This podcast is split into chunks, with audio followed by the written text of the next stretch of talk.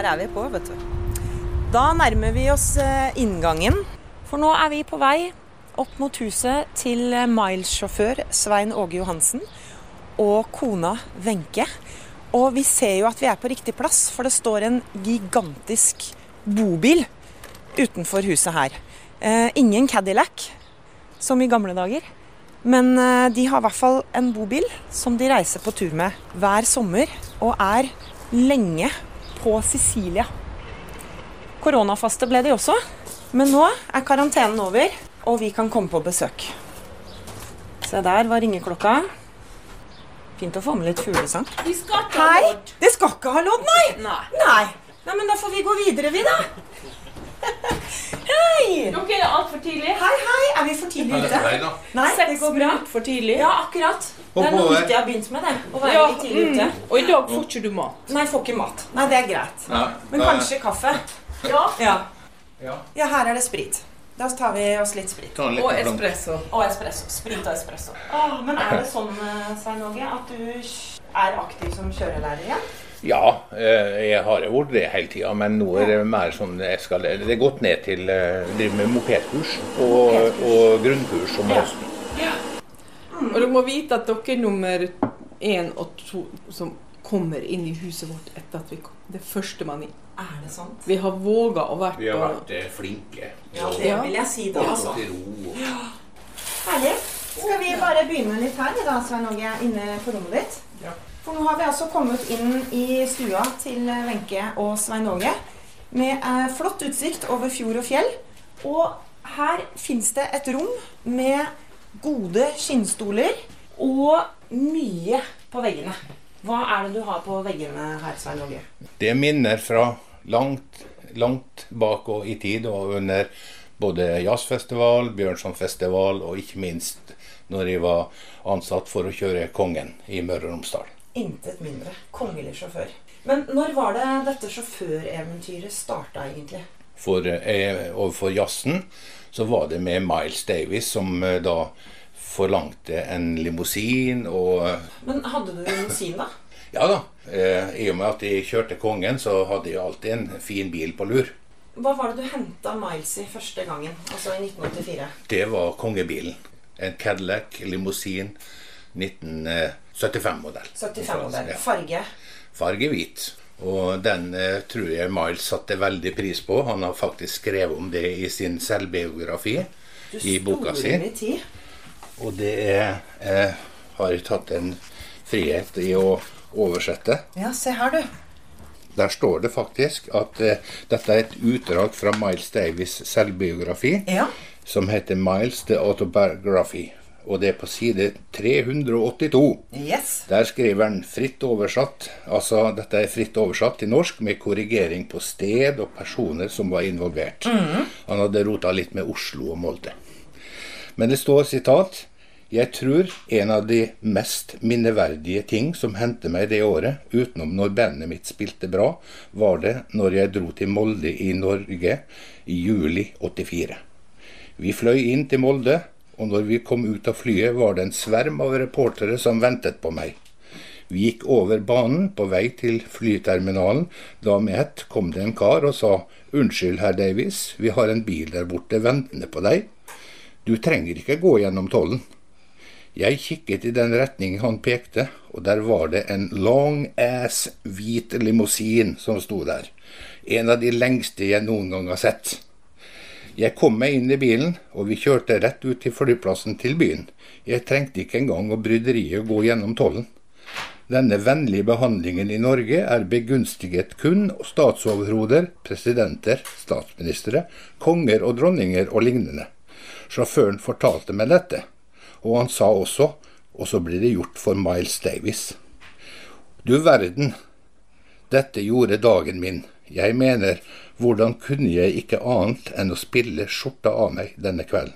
Oi, oi, oi. Og dette var den samme kvelden som den berømte mirakelkonserten, Det eller var- midnattsmessen, Det var det, i 1984.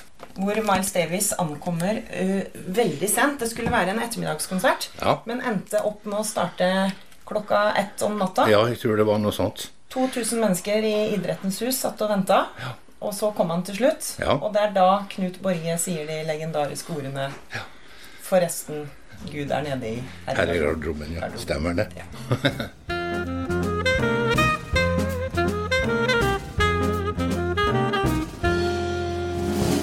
Jeg skulle spørre deg, Wenche, for vi så et bilde av Miles inne på rommet her i eh, en blå jakke. Ja, det som skjedde var at uh, da jeg møtte han på hotellet, så syntes han jeg hadde så fin jakke. En sånn hvit med skulderputer og sånn 80-tallsstilen. Veldig, Ja. ja. Og den var han så begeistra for. Hvor jeg har kjøpt den? Nei, borti gata her. Å, go get me some. Og jeg gikk og, og uh, henta vel sju jakker. Og han slengte av seg og prøvde den ene etter den andre, og endte opp med å ta alle sju. Så han reiste fra Molde med sju nye jakker. Handla i Storgata. Det gjorde. Fantastisk. Eh, Hva har vært din rolle, Wenche, i, i alle disse åra her? Altså siden 1984, når du ble frivillig på festivalen. Jeg har hatt eh, spillested og vært eh, bindeledd mellom musiker og jazzfestival. Og har du fått sitte på med sjåføren, da? Ja. Ja. Masse. I Cadillacen? Ja. Ja. Ofte. Og det var jo sånn det begynte. At jeg satt på med Svein og, og ble dratt inn i dette her. Så jeg hadde jo en liten baby på bare et år. Så det klarte klart det begrensa seg, men etter hvert så ble det faste barnevakter hele veien. Og vi, vi gjorde dette her sammen. Og så ble jeg ansvarlig på Alexandra for artistservicen. Og gjorde det i veldig mange år. Og de siste fem eh, åra så har jeg vel vært artistansvarlig på, på eh, teatret vårt. Så 2020 er det første året som dere ikke skal jobbe på festivalen? Eller kanskje, Svein Åge, du har noen sjåføroppdrag? Nei, eh, i år så er det en veldig nedskalert eh, festival, og vi fikk beskjed om at eh, det var ikke behov for det store apparatet som vi vanligvis steller i stand. Så i år så blir det en helt annerledes festival i ministørrelse. Men hvordan kom du inn i jazzfestivalen, da? Altså ditt første sjåføroppdrag i 1984. Hvordan kom det i stand? Det kom i stand ved at eh, Miles hadde forlangt i kontrakt, altså en rider. Og stort sett så visste ikke Molde Jazz hva en rider var for noe den gangen. Eh, Men der kom den, og det var veldig mye, bl.a. fra smultringer til limousin, eh, forlangte Miles Davis. Og da var det vel kreative sjeler i festivalen som lurte på hvordan løser vi dette med limousin. Og da var det forslag med at vi spør kongesjåføren. Han har fin bil, og han er vant til å kjøre folk. Og sånn ble jeg kontaktet for å kjøre Miles Davis. da. Jeg visste jo ikke hvem det var engang. Men jeg skjønte ganske fort at det, han var nok stor innafor den snevre sirkelen eh, som var jazz. Og jeg ble liksom på en måte tatt inn i rom der jeg måtte høre på musikken og forstå hvem jeg egentlig hadde med å gjøre.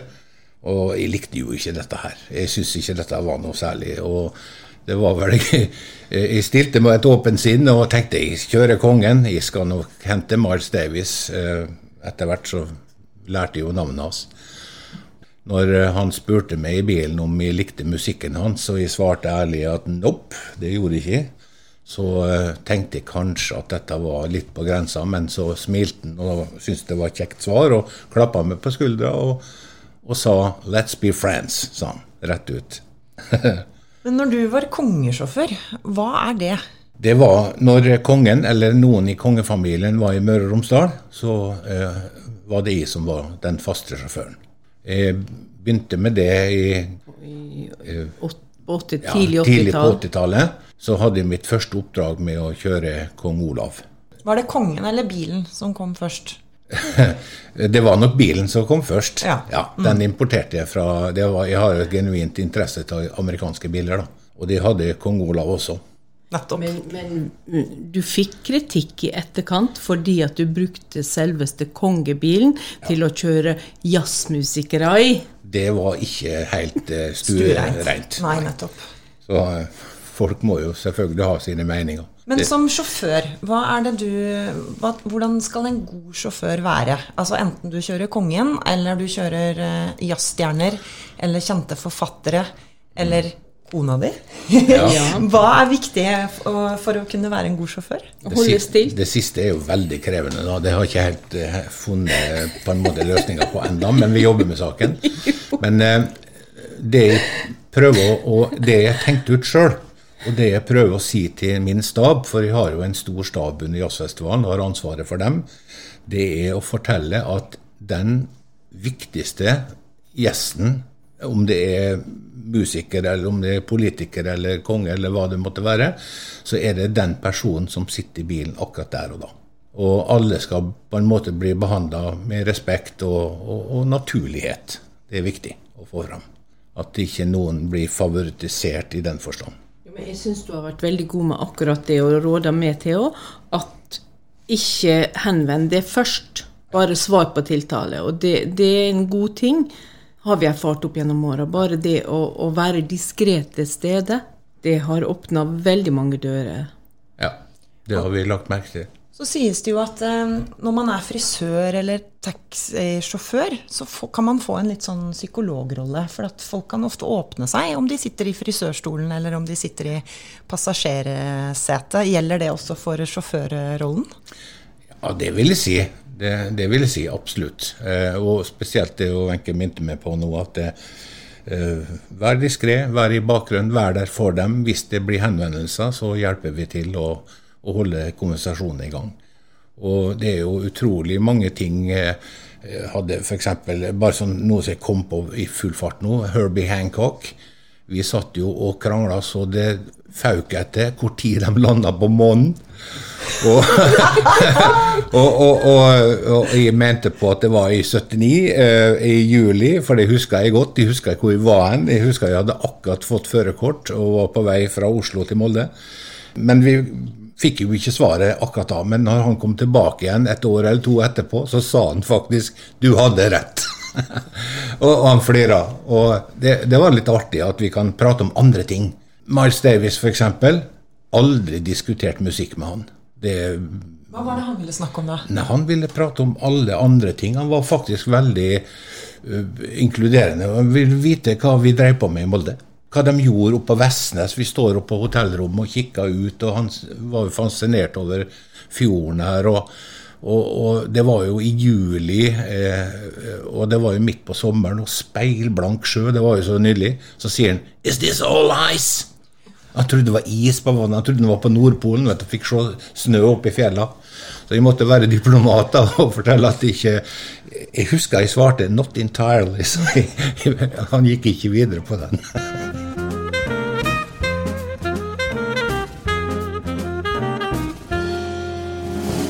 Dronningen var på besøk uh, under jazzfestivalen, og selvfølgelig så uh, var vi ute og kjørte bil. Vi hadde vært på en liten tur og parkert utenfor Alexandra. Da hadde vi en liten pause før vi skulle på offisiell middag opp til uh, Varden. Og vi sitter inne på Alexandra i resepsjonen der sammen med politiet og, og, og kongelige vaktene og intendanten.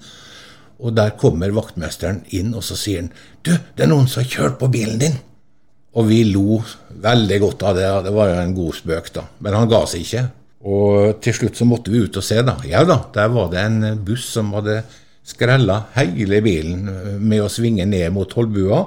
Og løfta nesten den svære Cadillacen opp på fortauet. Og så ble det jo veldig mye ståhei. Politiet satt jo etter den bussen og fikk jo stoppa han, og alt sånne ting. Formaliteter gikk i orden. Men vi skulle jo opp da, og var jo kjørbar, og dronningen skulle jo inn på høyre side. Så det gikk veldig bra. Og jeg tenkte jeg skulle ikke si noe til henne eh, om det som hadde hendt. Eh, men når hun kom ned på den røde løperen, skulle inn i bilen, så sier hun 'Hvordan gikk det med bilen?' sa hun. Da har hun fått med seg alt hun, fra hotellrommet.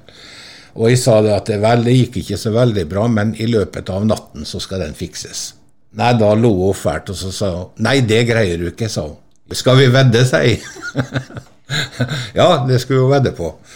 Og eh, vi kjørte opp på Varden, og festiliteten begynte der oppe i kontakt av Wenche.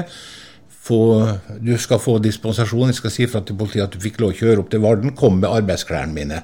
Og så ringte jeg til et verksted og avtalte at jeg og en kompis av meg som var verksmester der, vi skulle fikse bil i løpet av natta.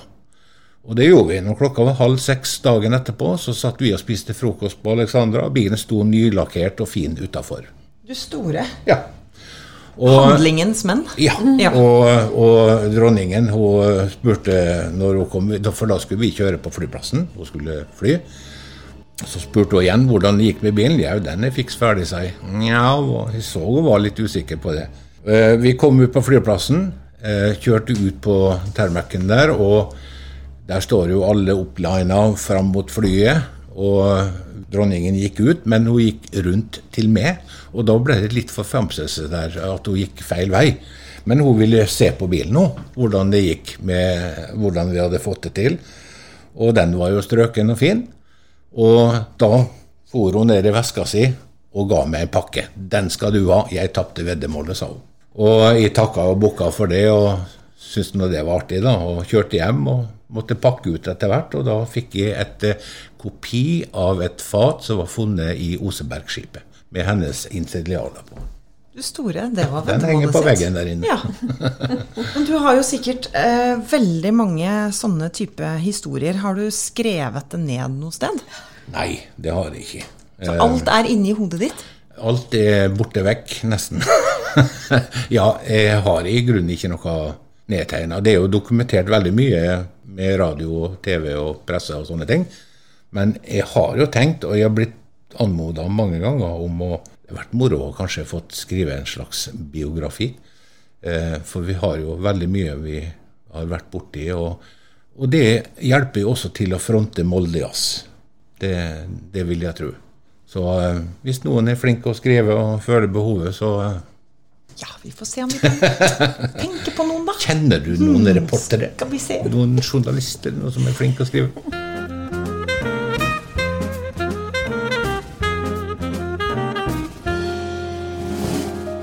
Men, men eh, vi må ha klarhet i bilene. Fordi at først så har du den Cadillacen som er hvit. Som er sju meter lang, nesten. Tre meter bred, nesten. Nå, Det var litt bredt, kanskje. Men i hvert fall bred og stor. Og fire tonn tung. Ja, Og eh, har 200 hestekrefter, for eksempel. for eksempel. Ja. Var, og, og var det den bilen som ble kalt isbryteren?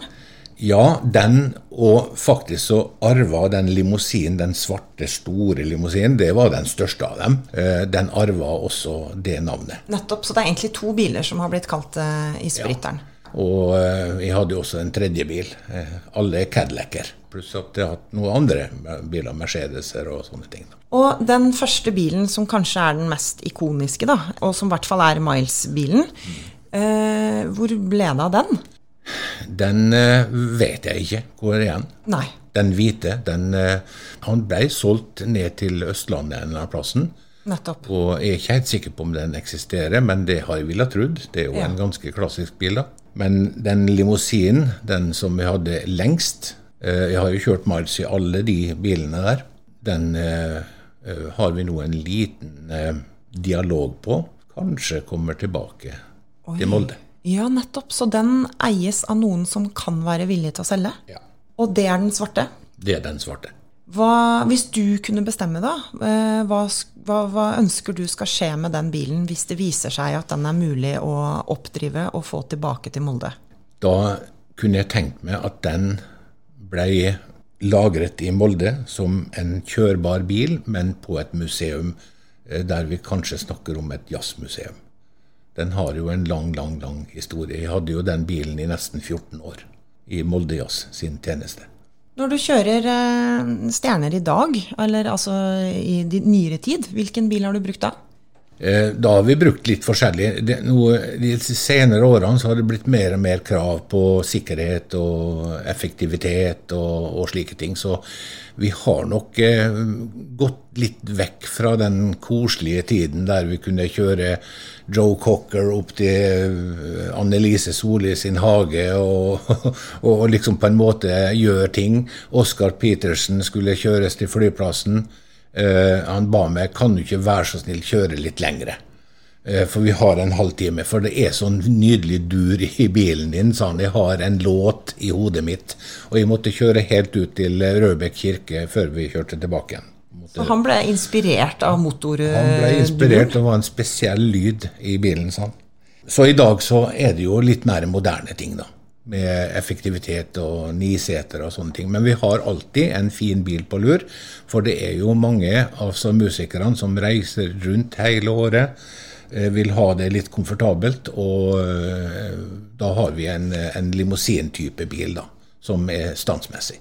Hva tror dere det har betydd for eh, disse stjernene å bli tatt imot på den måten? Altså møtt med bi... Altså Du vet jo litt om det, Wenche, for du har jo mye kontakt med dem. Jeg bare tenker på en tur som jeg og Svein og hadde med Joseph Savino opp til Varden med denne bilen, Lita Galloway og Carl Andersen.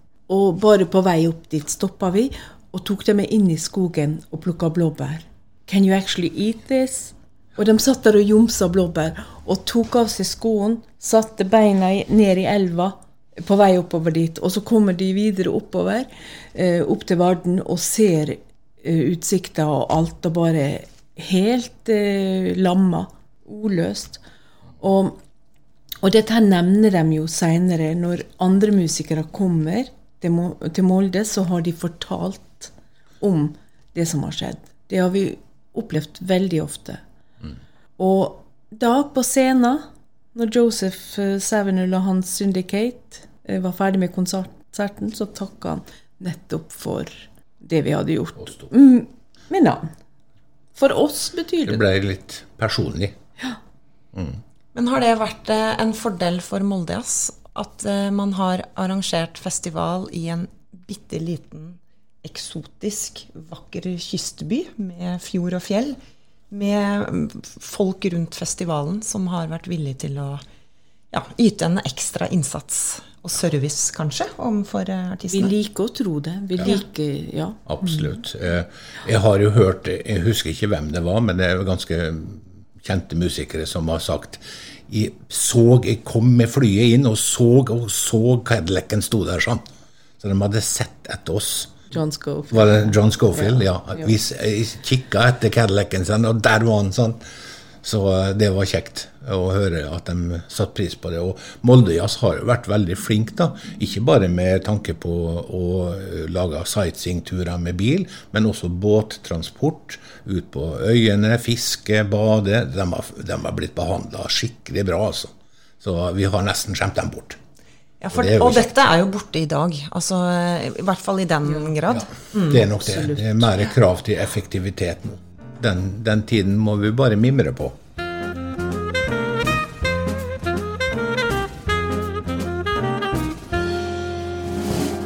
Men den aller beste historien fra bilen, Svein Åge, hvis du skal velge, hva er det du helst forteller da? Det blir et tøft valg. Du kan, ok, du kan fortelle tre.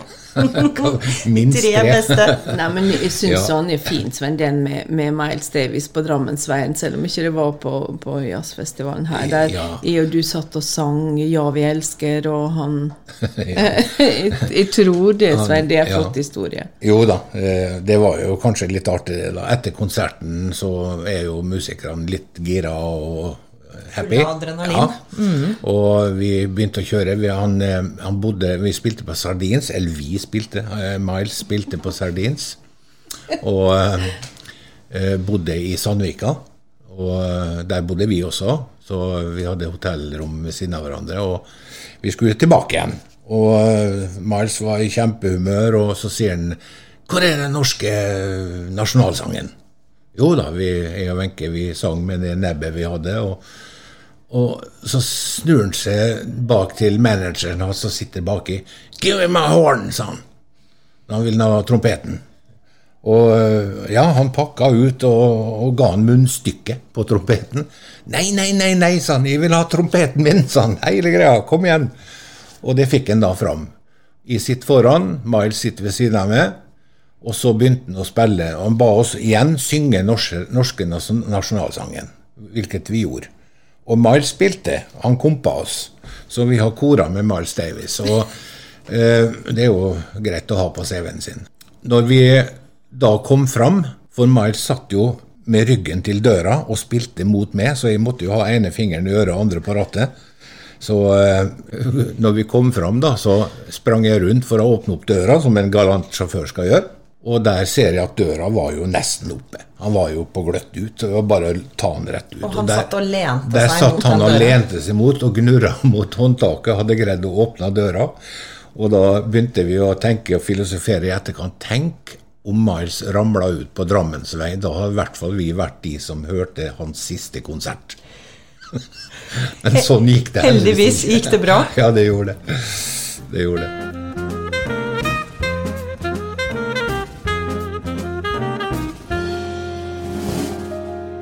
Jeg, tenker mer på han når vi var ute og, og handla pelser. Å ja. eh, Det, var men det var James Brown, det. James Brown kom jo ned flyet og var jo den store stjerna. Og vi tok jo imot han på, med full æresbevisning og, og kjørte til byen. Ja, med fin bil, da. Og blant annet så eh, var vi på eh, hotellrommet hans, og da sier han at jeg kunne tenkt å kjøpt en pels til kona mi, sa han. Og kanskje til meg sjøl. Er det noen plass i Molde som selger sånt? Ja da, det sa jeg. Det ordna vi. Og jeg hadde en god kompis da med. Han drev med pelssalg oppe i gata.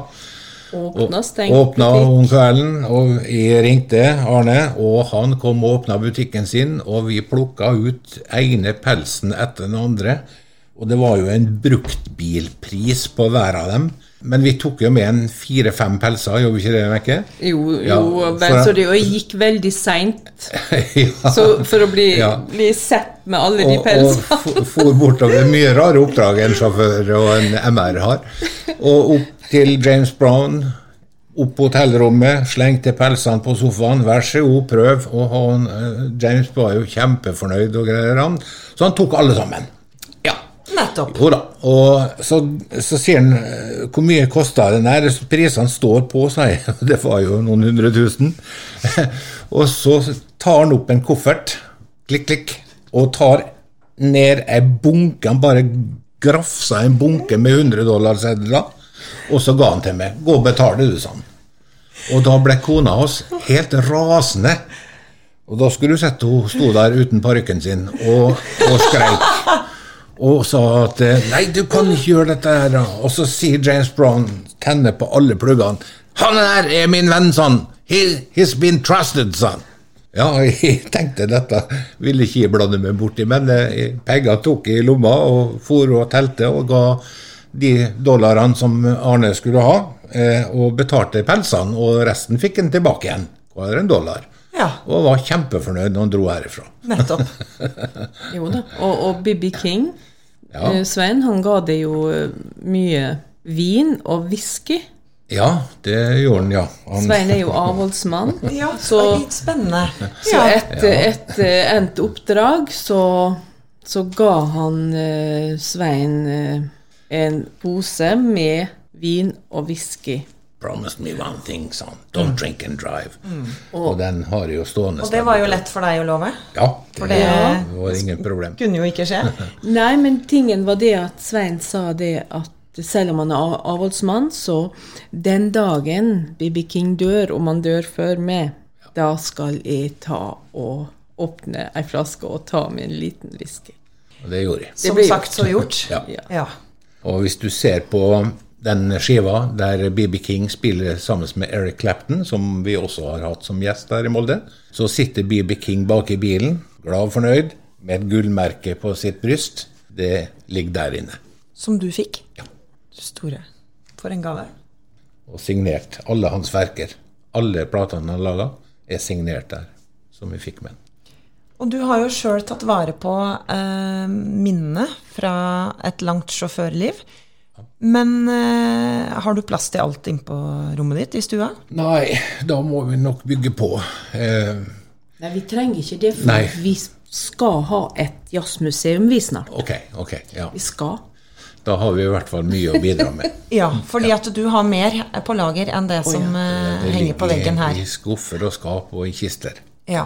Og hva er det den samlinga, hvis vi kan kalle det det, består av? Nei, det er alt ifra bilder, signerte verker, bøker. Vi har jo også involvert oss i litteraturfestivalen. Vi satt jo i styret der i 14 år. Eh, Bjørnsonfestivalen. Og det er alt ifra slike ting, da. Og minner. Vi har avisutklipp og, og sånne ting. da. Vi har har denne gjesteboka Ja. der inne, og den, det er et klenodium. Der har samtlige som har sittet i bilen til Sveinund Svein jazzfestivalen, tegna og skrevet og signert og veldig masse. Og, så den bør jo følge bilen hvis den kommer tilbake, selvfølgelig. boka heter ja, ja. Cadilog. Cadilog, ja. Ja. Ja. Miles Davis har tegna inni der. Og Miles eh, i 1985, når han kom tilbake her året etterpå, så laga han en eh, fin tegning til å Wenche, som henger på veggen der inne, som Miles har signert. For Wenche from Miles.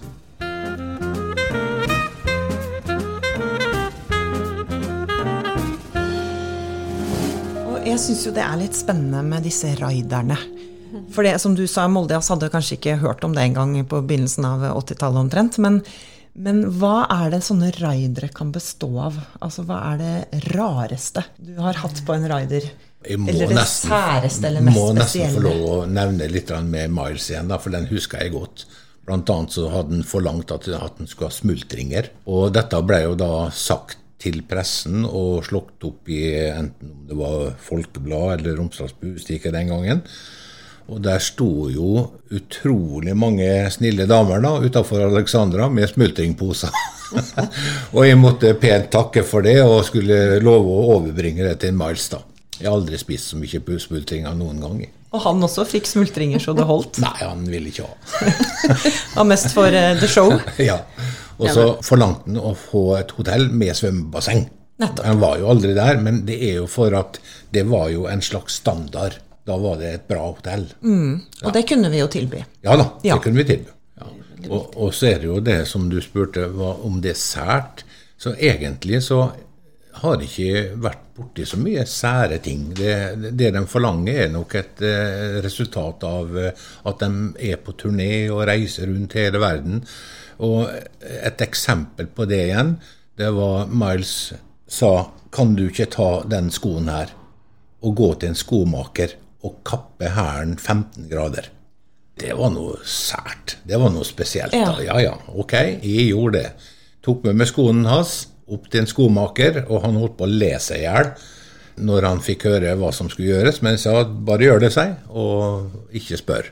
Og når hun kom tilbake igjen, jeg tenkte dette var jo litt, litt mystisk, da. Eh, Så sa han du skjønner det, sa han, jeg har problemer med hofta mi. Og da fikk jeg jo forklaring på det. Og det var, var han veldig nær og fortalte meg at det er pga. hoften min. Og folk i Molde, dem heiv seg rundt. Altså enten det handla om sko eller pels Ja da. eller jakker. Og ikke minst de på teknisk. De er veldig flinke hvis det er noe som mangler. Helt fantastisk å komme med, med instrumenter. Vi hadde Stan Getz. Det var jo en saksofonist. Veldig stor, fin fyr. Han kom helt fortvilt, så sier han 'Jeg har problemer med saksofonen min'. Se her, sånn. Den delen er gåen. Og for vi var på lydprøve. Så sier 'Et øyeblikk, sa jeg, så skal vi fikse den', sa jeg. Og jeg tok med meg eh, den munnstykket og det stykket som var gående på trompeten hans, og heiv meg inn i bilen og kjørte ned til en Svein Strande. For der var det utstilt en lignende eh, saksofon som vi faktisk hadde bare tilfeldig sett. Og jeg spurte Svein om vi kunne få bruke den delen som var der. Og det gjorde vi, og fiksa trompeten til Stan Getz bare en halvtime før han skulle spille. Fantastisk. Ja, det var det går an. Det var artig. Da ble jeg helten hans eh, den kvelden.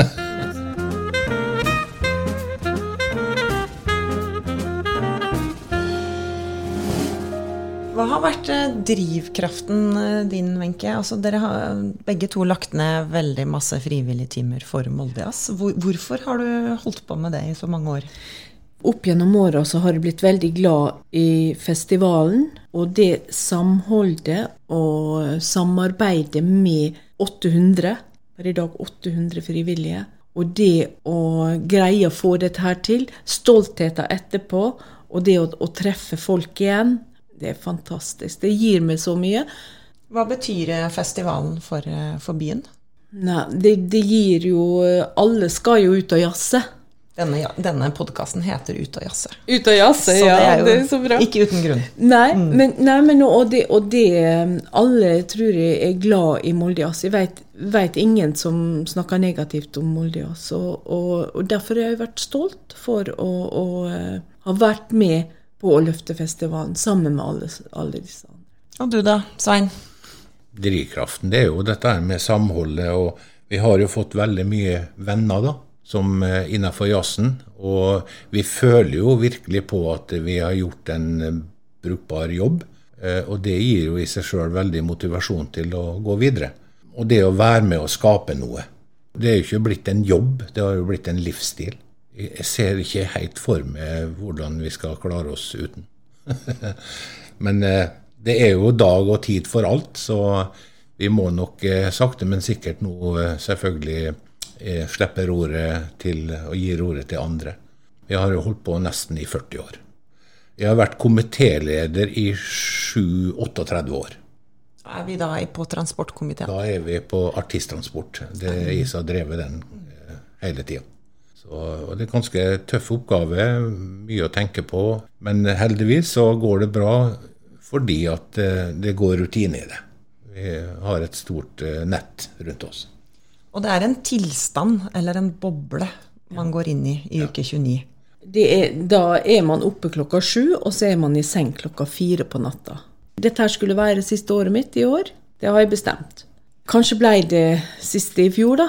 Hvis ikke jeg finner på å kanskje Comeback i 2021. For det blir jo en det blir, Ja, fordi at i år så, så har vi valgt det bort, på grunn, og, og det var ikke behov heller, pga. Uh, tilstanden. Vi teller litt på knappene til neste år. Men dere må fortelle om hvordan 2020 har vært for dere. Fordi hver vår så reiser jo dere til Italia. Vinter. Vinter, ja. Januar. Januar. Januar. Og da er det Sicilia som har vært destinasjonen. Ja da. Eh, siste åtte-ni årene så har vi reist Vi har brukt vinteren der nede. Og eh, i år var det jo spesielt for alle og enhver. Lite vi, visste vi når vi for nedover. Og det møtte oss etter hvert. I slutten av februar så begynte det å strammes inn, og vi skjønte jo at det var en alvorlig sak ute og gikk. Og Italia ble jo veldig hardt ramma. Eh, vi følte oss veldig trygge, egentlig. Vi hadde kontakt med både UD og ambassade og konsulat, og de råda oss til å bare bli i ro. Men etter hvert så skjønte vi at det var kanskje litt tøft, det òg, for eh, vi visste jo ingenting. Og ingen informasjon fikk vi. Vi eh, kom oss eh, fra øya etter hvert. Det var en meget spesiell situasjon å reise oppover eh, nesten alene. Når vi da kom til eh, ferjekaia, og der står det oppleina uniformerte militære biler og politi, mye våpen det, Da begynte det å gå opp for oss, og det var før vi har forlatt, forlatt øya. Og da begynte vi å ta inn over oss egentlig eh, Vi skulle jo tross alt gjennom et episenter i Nord-Italia. Ved hver grenseovergang så står, står militære og politi med uniformerte biler. Og her snakker ikke vi om to eller tre, det er ti-tolv. Hele armé. Og disse papirene og munnbinder og alt det her. Det var, det var, og selvfølgelig firefelts vei og alene. Kun trailere. Gjennom land etter land etter land, og, og, og, det samme gjentok seg hele veien, helt til vi kom til Sverige. Da møtte vi et stort grønt lys, og så ikke et menneske, og kjørte rett inn i noe. Og så kom dere hjem, og så ble det selvfølgelig karantene hjemme. Og nå har det jo gått eh, noen uker, og så forteller dere at vi er de første som kommer på besøk hjem til dere. Det stemmer. 2020 blir et unntaksår på alle måter. Ja. Dere har opplevd eh, den eh, koronasituasjonen der. Ja. Hva tenker dere om at Moldejazz faktisk nå arrangerer og velger å gjennomføre en nedskalert festival? Jo, eh, jeg ønsker dem lykke til. Og håper det at det er riktig trekk, og at det går veien. Jeg tror nok at eh, mange blir glad for akkurat den biten der. Og eh, vi, vi syns det er greit å også si at eh, vi står over i år, men vi kommer sterkt tilbake til neste år. Tusen takk skal dere ha. Kjempespennende å få høre sjåføren og artistansvarligs eh, historier. Ønsker dere en god sommer. Ja. Takk i like måte. Takk og takk, likeså.